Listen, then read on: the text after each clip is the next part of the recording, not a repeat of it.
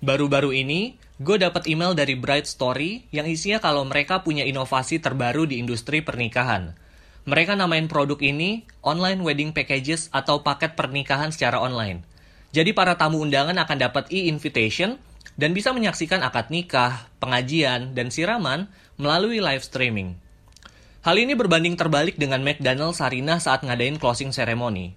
Mereka nggak mau berinovasi, bahkan di saat terakhir – Kenapa pihak manajemen nggak sadar dan nggak bisa ngeprediksi kalau pasti ada aja orang yang nekat buat datang.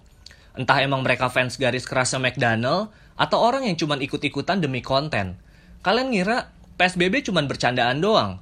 Kalian nggak mikir efek pandemi ini banyak para pekerja yang dirumahkan dan nggak sedikit perusahaan yang berhenti beroperasi.